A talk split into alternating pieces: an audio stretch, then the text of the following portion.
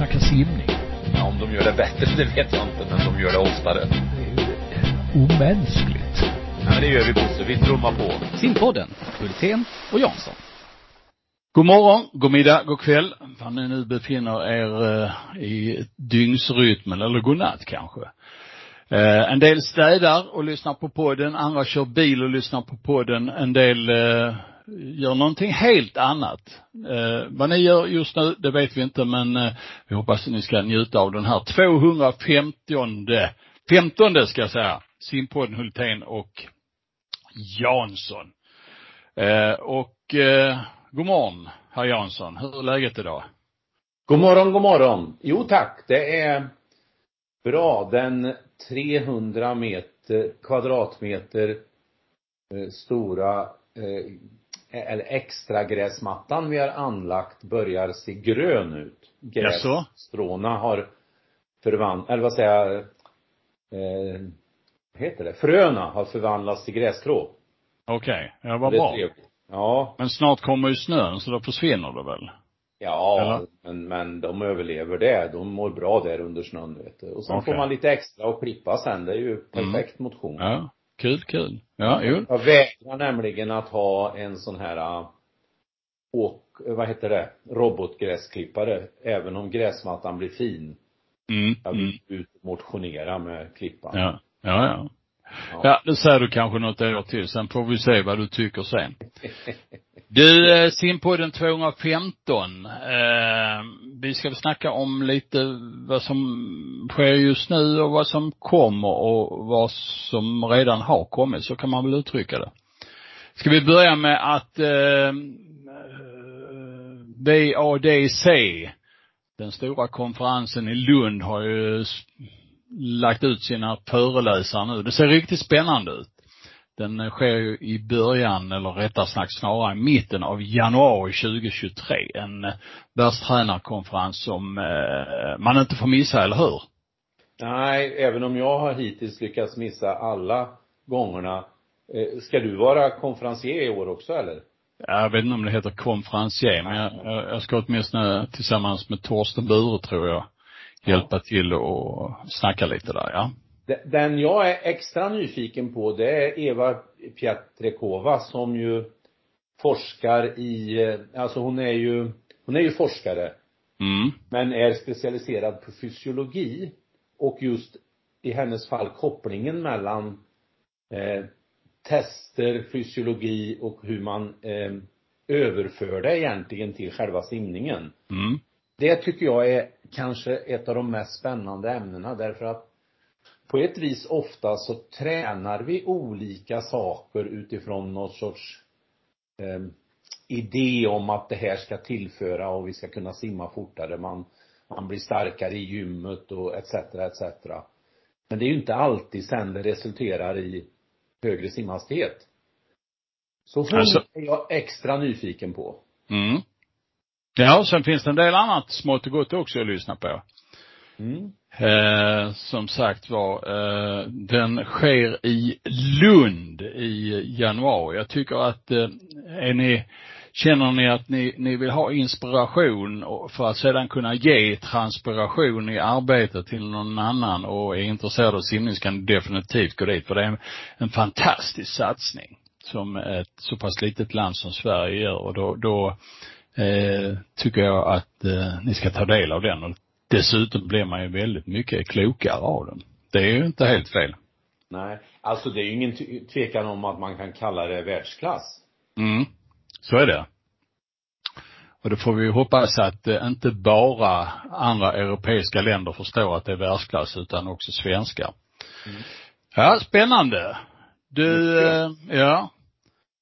Ehm, en fråga som har varit uppe till snack under många år, det är ju det här eh, straff och anmälningsavgifter till tävlingar som eh, du skriver här, bromsar klubbarnas utveckling. Det tillhör inga, eh, tillför inga nya pengar. Eh, red ut det där lite. Är det, är det så?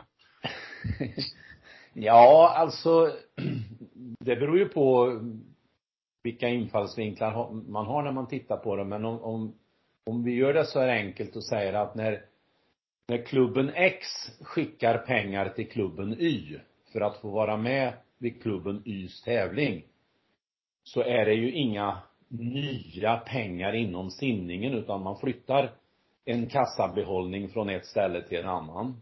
Mm. Sen kommer den klubben åker på en annan tävling och flyttar sina pengar till den tävlingen och så går det lite grann runt i systemet om man skulle lite förenklat titta på det. Och då innebär det att eh, de här duktiga arrangörerna som då skapar stora startfält och så, de finansierar ju sina tävlingar lite grann på det här sättet.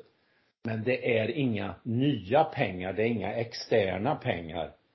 Eh, som det skulle vara om man tvingades till exempel leva på helt kommersiellt på på reklam för att få tävlingen att gå runt till exempel, så man tvingar in pengar utanför det här systemet.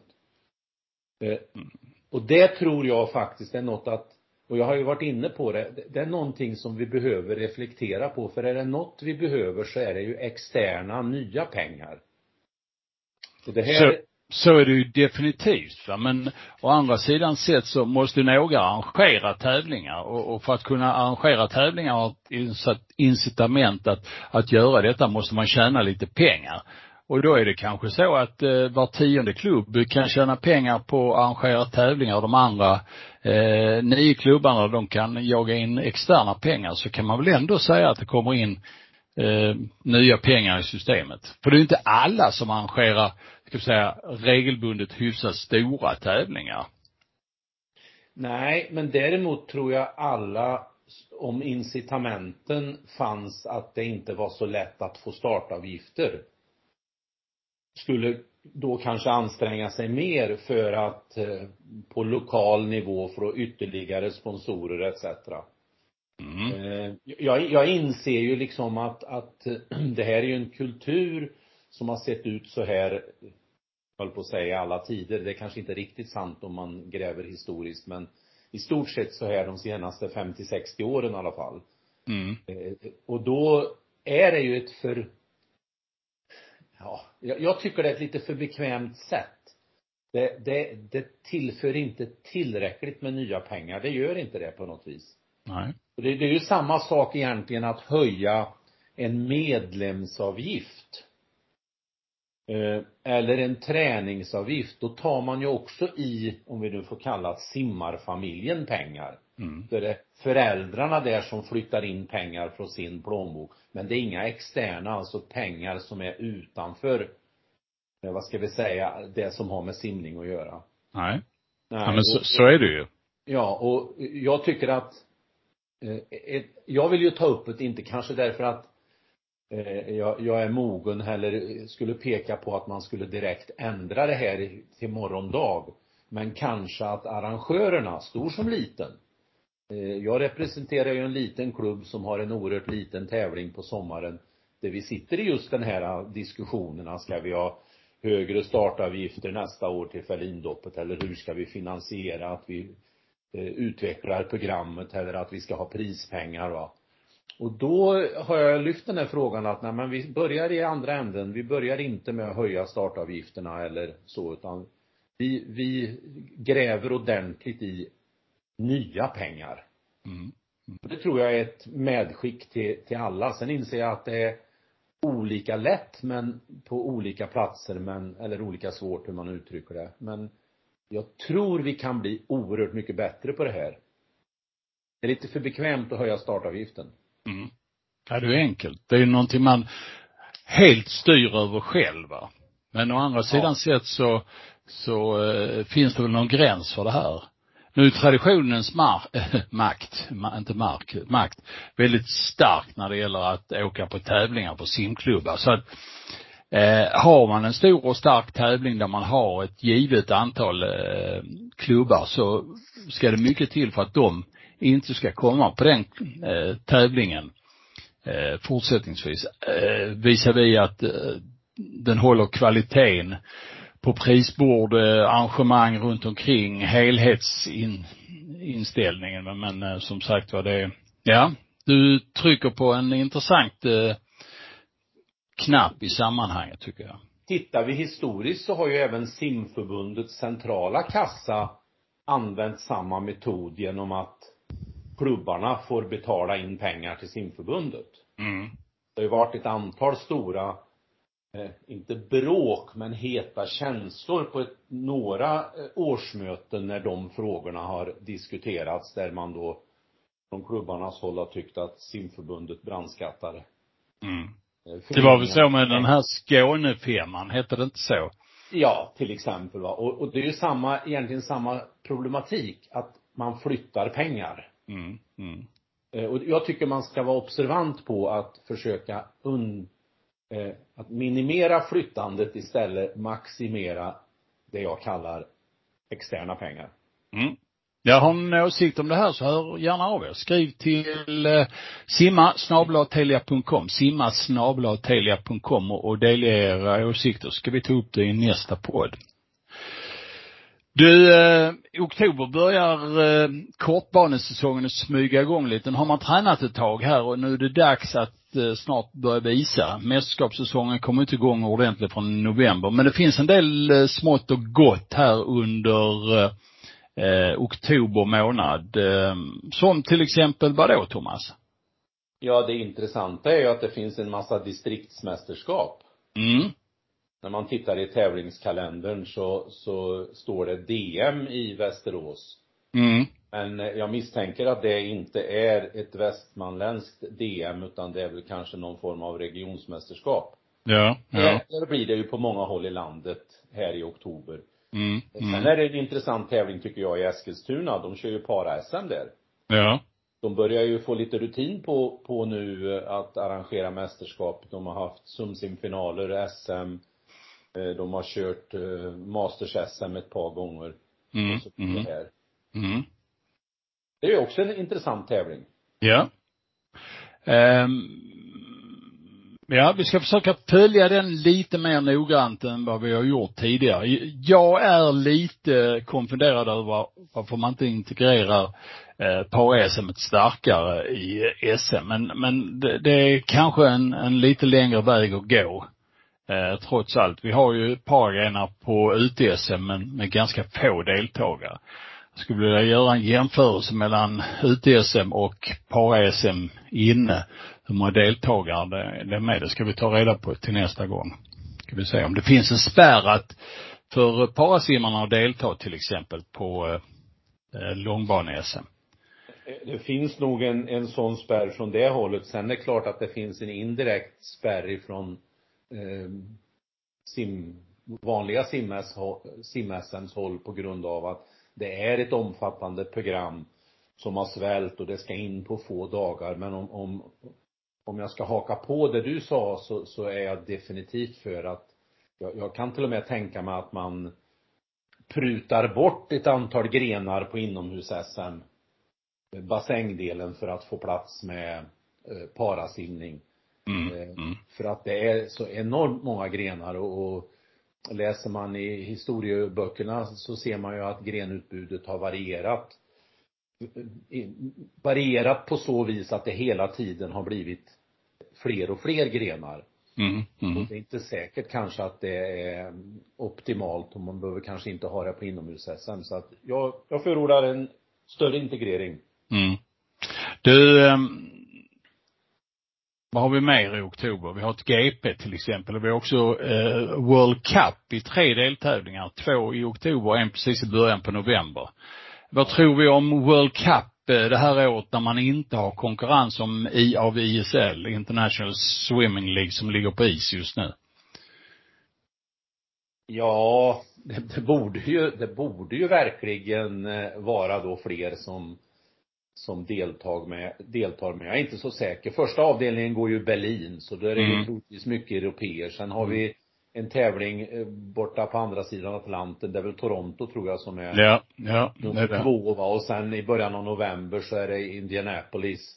Och, och där borta kommer det väl vara då företrädesvis mer från den kontinenten. Men, ehm, ja, vi Men det som- du och jag för länge sedan eh, dissat och sagt att lägg ner, gör om, börja om. Ja, det, det håller jag med om. Men en sak som är lite positiv det här året när det gäller World Cup, det är på att eh, tävlingarna går på riktiga simställen. Ja. Det är bra. Berlin, Toronto, Indianapolis. Eh, det är inte Doha och Abu Dhabi och, och så vidare, utan det här är riktiga ställen va. Eh, där man kan och är intresserad av simning. Det tycker jag är väldigt spännande. Ja, Berlin har ju alltid när det har genomförts klarat sig och haft en hög, eh, många deltagare och en, och en hög nivå på tävlingsarrangemanget och när när vi arrangerade i Stockholm så var ju Stockholm och Berlin kan man väl säga nästan topptävlingarna i världscupsformatet. Ja, det var det. Eh, Berlin har alltid varit den som har lockat med lite extra pengar också lokalt. Eh, och det gör att, eh, och så plus att det geografiskt ligger väldigt bra till med enormt fina kommunikationer och en bra anläggning. Så att, ja, det, jag tror att den kan bli rätt bra. Lite spännande är det. Sen nämnde du ju Ystad GP nummer ja. två. Ja, ja. Dit ska ju både du och jag också. Det, det ser vi ju fram emot mycket. Det var ju rasande fina tävlingar förra året. En bra arrangör. Eh, och det har vi ju påpekat långt före vi var engagerade, både du och jag. De har lyckats sticka ut som arrangör verkligen och mm. bryr sig det, det lilla extra om deltagarna. Ja, och det är trevligt. Ja, det är trevligt och jag tror det är nödvändigt och det visar på en professionalism som, som är, bra för våran idrott. Och sen mm. får vi se om vi får se snabba simningar också, men det, ja. det tror vi väl. Det hoppas vi ja. Mm. Ystad GP alltså sista helgen i eh, oktober, fredag, lördag, söndag. Sänds på webben då bland annat om man inte är där. Men eh, är man simintresserad och vill simma ska man naturligtvis vara där och tävla. En bra bassäng också ska sägas. Jaha, vad har vi mer då? Har du snackat färdigt om DM och regionsmästerskap? Eller har du något att tillföra? Nej, jag, det, jag vet inte om jag kan säga att jag har något att tillföra men men jag önskar ju nästan varje dag att man slutar med det här regions tänkandet och återgår till distriktstävlingar på distriktsnivå. Mm. Det blir så oerhört anonymt eh, ett eh, DM i Västerås. Ingen skugga över Västerås, verkligen inte. Och ingen skugga över mellansvenska som ju tuffar på utifrån de förutsättningar man har. Men det blir anonymt för simmaren från Eh, Gävle eller Dalarna eller Värmland som kommer dit. Det är svårt att sen komma hem och tränga igenom i, i det lokala mediebruset som trots allt är på hemmaplan och i hemmadistriktet. Mm. Men att bli distriktsmästare i Värmland, då, det går att sälja till, till tidningar. Ja. Men det är en evig fråga och vi är ju tyvärr för få som tycker så här. Ja men vi är i alla fall två. Inte bara för ja, få utan vi är två. Ja, jag känner ju och, och, och alltså, vi har ju slängt bort en massa ideell tid när vi har skrotat distrikterna. Ja, så är det. Eh, och frågan är, vem, vem ville detta? Var det några eh, människor uppe i simförbundet som tyckte det var för jobbigt att administrera 24 distriktsförbund eller Nej. Eller var det en, eh, delegater som var trötta och inte fick gensvar på det lokala planet eller vad var det?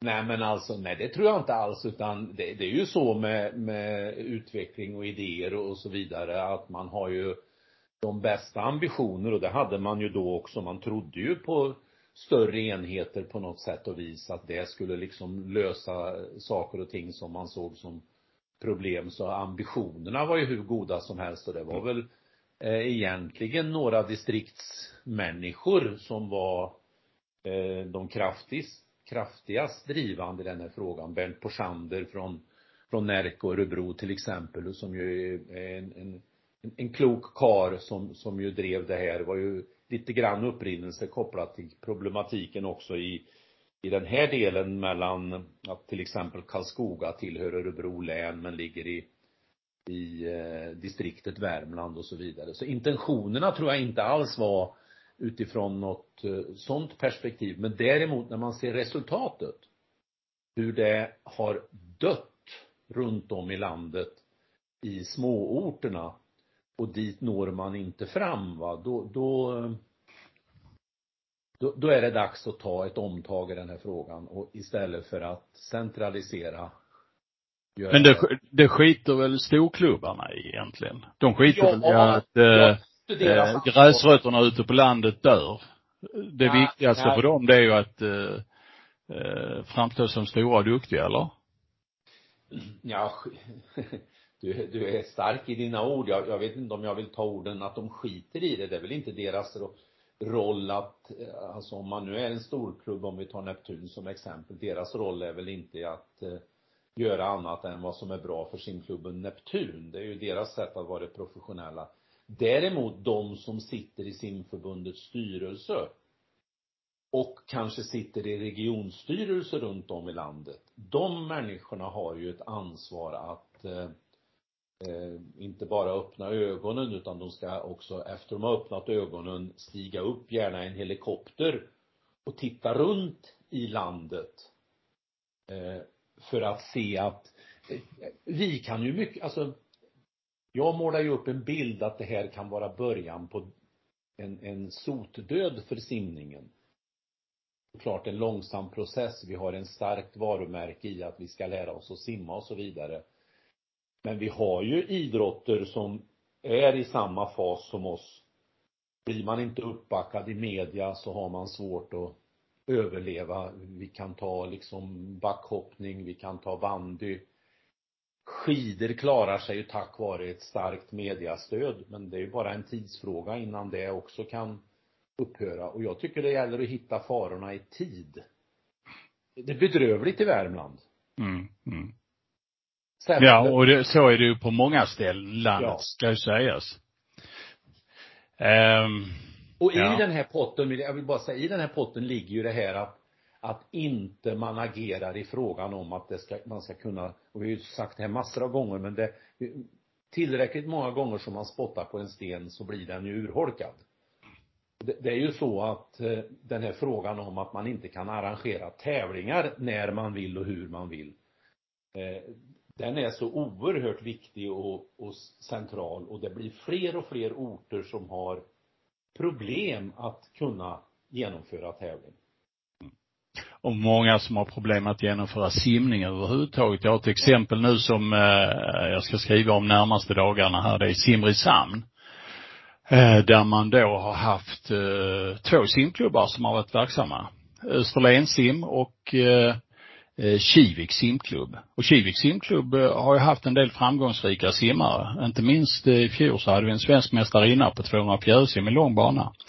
Eh, med en kommun som har underlåtit att underhålla sin simhall så har man nu varit tvungen att stänga simhallen. Man skulle lägga om taket bygga om taket. Det visade sig att det var helt ruttet. Det var väldigt nära en härdsmälta och det kunde verkligen hänt typ alla Umeå eh, 1900, vad det nu var, frös ihjäl när taket rasade in. Eh, och jag tycker att en del av eh, skulden i det, det är ju dels att kommunen tappar kompetensen att sköta en simhall och sen så har man i det fallet där nere varit eh, ganska tidiga med en privat aktör som har nästlat sig in Eh, och eh, sköter idrottsanläggningarna där nere och gör det tydligen inte på ett sådant sätt så att de är, överlever direkt. Det, det blir ju så att eh, de privata aktörerna, de, de vill ju tjäna pengar naturligtvis. Och gör det och har kanske inte så stort intresse att eh, hålla ordning på simhallen och verkligen jobba med den. Samtidigt som kommunen eh, frånhänder sig eh, arbetet och tappar kompetensen så står våra anläggningar och förfaller. Nu har man alltså stängt igen simhallen. Eh, utebadet som skulle hålla, hålla öppet, eh, Tobiksviksbadet, var också paj så det var man tvungen att stänga också. Och nu får man lägga ner verksamheten i simklubbarna. Man skickar ut simmarna, de har fått gå över till andra klubbar, Ystad, Sjöbo etc. och någon har åkt till USA. Så det betyder att Kivik som var en väldigt framgångsrik klubb här i fjol och, och eh, simmade fort och tog medaljer på SM, eh, de är ett minne blott just nu. Och likadant är det med Österlensim. som har skickat sina simmare till eh, Ystad. Eh, och väldigt mycket för att en anläggning har misshushållats med och sköts väldigt illa av en kommun.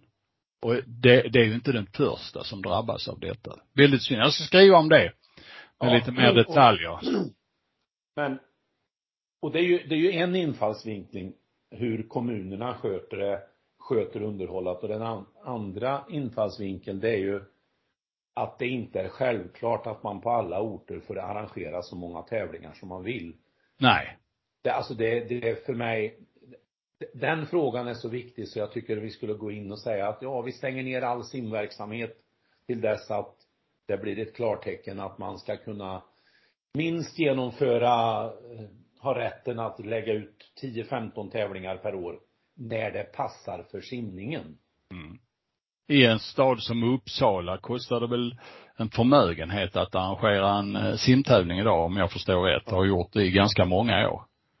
Och det är ju bedrövligt. Det är ju bedrövligt att kommunerna med egna bolag i, i typ Uppsala eh, kan sitta kvar och, och eh, jobba med idrotten och sina barn på det sättet. Det är verkligen inte att eh, se till att eh, eh vårda ungdomsidrott och idrott i sina kommuner. Och det är bedrövligt av alla eh, eh simförbundsstyrelse, regionstyrelser och klubbar att man inte sätter det här så högt på agendan att man bara säger att vi, så här kan vi inte ha det, vi accepterar det inte. Nej. Köping får du ha en tävling, Karlstad får du knappt ha tävling, Kristinehamn får Ja, får, får man ha tävlingar. tävlingar i, i Karlstad? De byggde väl en ny simhall där simmarna skulle hålla till. Sen fick Ja. de inte vara där heller. Eller hur var det? Nej, nej. Ja, så var det ju ända till man fick på nåder genomföra en liten tävling här förra året, men eh, kvar står problemet. Mm. Eh, då kan man ju som kuriosa säga att man lyckades genomföra en vattenrutschtävling där med massor av deltagare. Eh, Det verkar vara helt okej. Mm. Mm. Ja, Ja, det- det där är Ja, egentligen, vi skulle, vi skulle gå igenom alla Sveriges eh, klubbar och så skulle Ja. de få bedömningar på ett antal olika eh, kriterier för hur pass eh, intresserade de är av eh, simidrotten. Och så ska vi göra dödskallelistor och sånt. Mm. Det hade varit någonting. Ja, ja visst. Och tittar vi på centrala tävlingar, eh, det har vi också varit inne på förut att om, om vår general för Swim Open tycker att det vore passa bättre om tävlingen låg på ett visst datum, då ska han bara kunna gå till Eriksdalsbad och säga att då blir Swim Open. Mm. Alltså, vi, vi är, eh, vi är småhandlare. Ja. Inte bra. Nej. Du, eh, ja, här fick vi en tråd att hänga tag i. Ett, eh, ett massivt rep helt enkelt som vi, ska jobba med. Om vi tittar tillbaka, du som har känslor för det här med förr i tiden på ett helt annat sätt än vad jag har, eller ja, kanske inte. Eh, Nej, så, det tror jag inte. Men, nej, men det är aktuellt för mig nu eftersom jag håller på med det arbete jag gör. Ja, du skriver eh, en bok om Filipstadssimningen och då, då tangerar du ju Värmlandssimningen väldigt mycket som ligger dig varmt om hjärtat. Rita, berätta lite får vi höra. Ja, eh, jag ska återkomma till det här med, med, med boken som har en, en ingång som är mer än Filipstad, men det gör vi vid annat tillfälle. Men ja, det var intressant. Om Jag ska ta ett exempel från 1959. Och då ska jag ta det arbete som Värmlands simförbund eh, genomförde 1969. Alltså de personer som satt i den 59 eller 69? Nu får du- 59. Okej. 59. Mm. Då arrangerade Värmlands simförbund två stycken pokalsimningar. Eh, det var för juniorer, man genomförde en på våren och en på hösten. Det var alltså ett arrangemang där man tillsammans med någon av klubbarna, men man la, de la kraft från Värmlands simförbund, de i form av funktionärer och sekretariat etc. Sen genomförde man ett junior-DM inne och ett junior-DM ute. Man genomförde ett DM inne och ett DM ute. Man deltog i tre olika distriktsmatcher. varav eh, två gick på hemmaplan i Värmland. Eh, man eh, genomförde i Värmlandsserien i polo som bland annat kallades Lilla DM i polo för det fanns då många pololag här. Och sen ska man också lägga till att vid de flesta av de här simtävlingarna så ingick hoppning samtidigt med själva simtävlingen. Men det innebär ju att den kraft de här, jag tror de var sju i styrelsen och de timmar de la på simningen den de, de finns ju inte idag. Den resursen finns ju inte idag va. Eh, det här var ju inga märkvärdiga tävlingar, det var inga gigantiska startfält. Men det var tävlingar i Storfors, i Sifälla, i, alltså ute i bygderna. Det var en ganska levande verksamhet om man också då tittar i, i media. Där simningen var, om inte varje vecka, men väldigt ofta fanns det något om simning. Och det blev ju inga världsstjärnor i den här delen utav Sverige på grund av det här, men det var, man var en viktig aktör i hela samhällsdebatten på det viset. Viktigt att påminna sig om detta. Ja. Mm. Tänker man då 20 distrikt, 20 gånger 7 personer som lägger kraft lokalt. Och, och jag har också sagt förut, ingen skugga på de här som sitter på de regionala platserna, men det är en omöjlig uppgift de har. Mm, mm.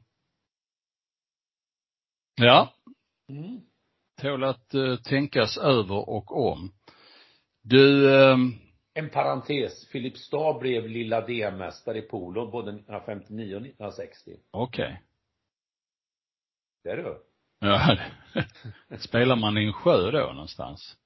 Ja, när man, på sommaren spelar man vid Talluddens badplats. Det var ju intressant därför att eh, då domaren, han satt i en eka som då hade en som satt och rodde utanför för att försöka följa och så fanns det en domare på insidan vid land.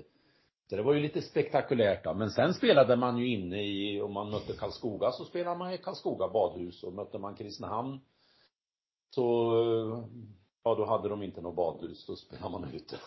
Nej, det kom inte från se, 66 kom badhuset till Kristinehamn va?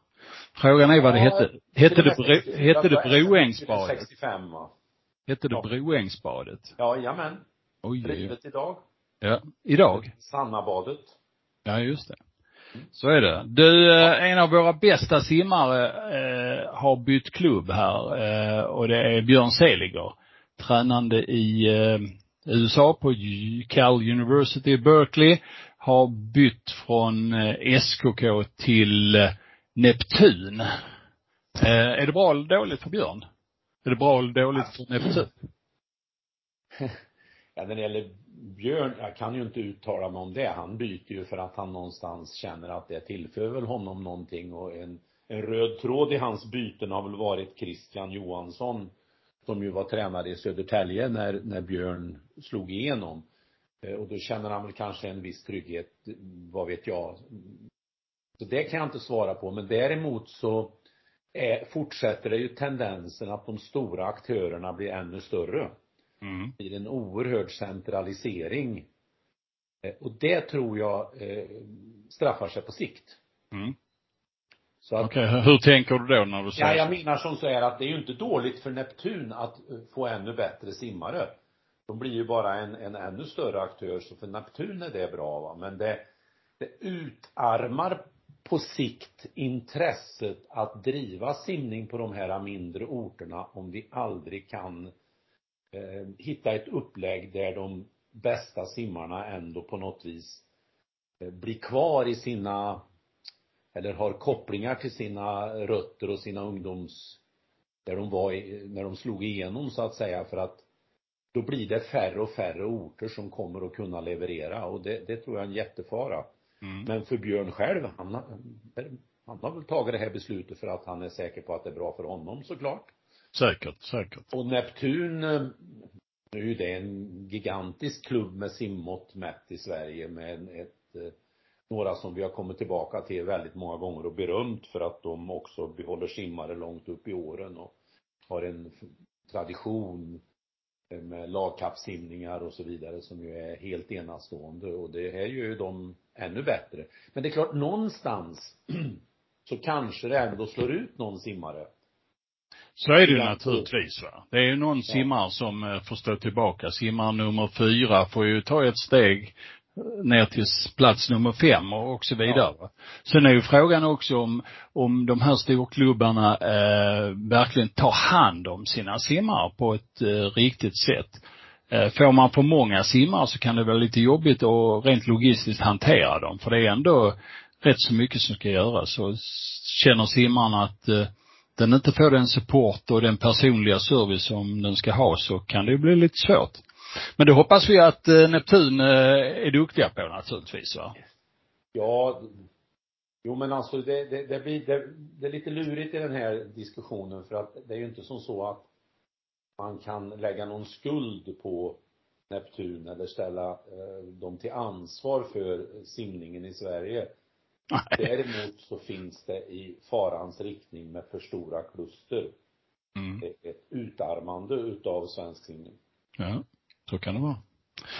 Du eh, Jansson, vad säger du? Eh, har vi mer att bidra till eh, förbättrad simvärld idag eller?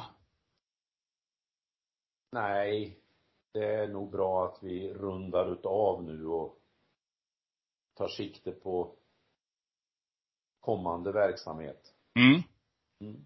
Då tackar ja. vi alla lyssnare för att de var med oss så här långt i alla fall. Och så eh, hälsar vi er välkomna tillbaka nästa gång det är dags för Simpodden Hultén och Jansson. Då sätter vi siffran 216 framför det och eh, tills dess, hej och tack. Nu ska vi snacka simning. Ja, om de gör det bättre, det vet jag inte, men de gör det oftare. Det är ju omänskligt. Ja, men det gör vi Bosse. Vi trummar på. Simpodden, Hultén och Jansson.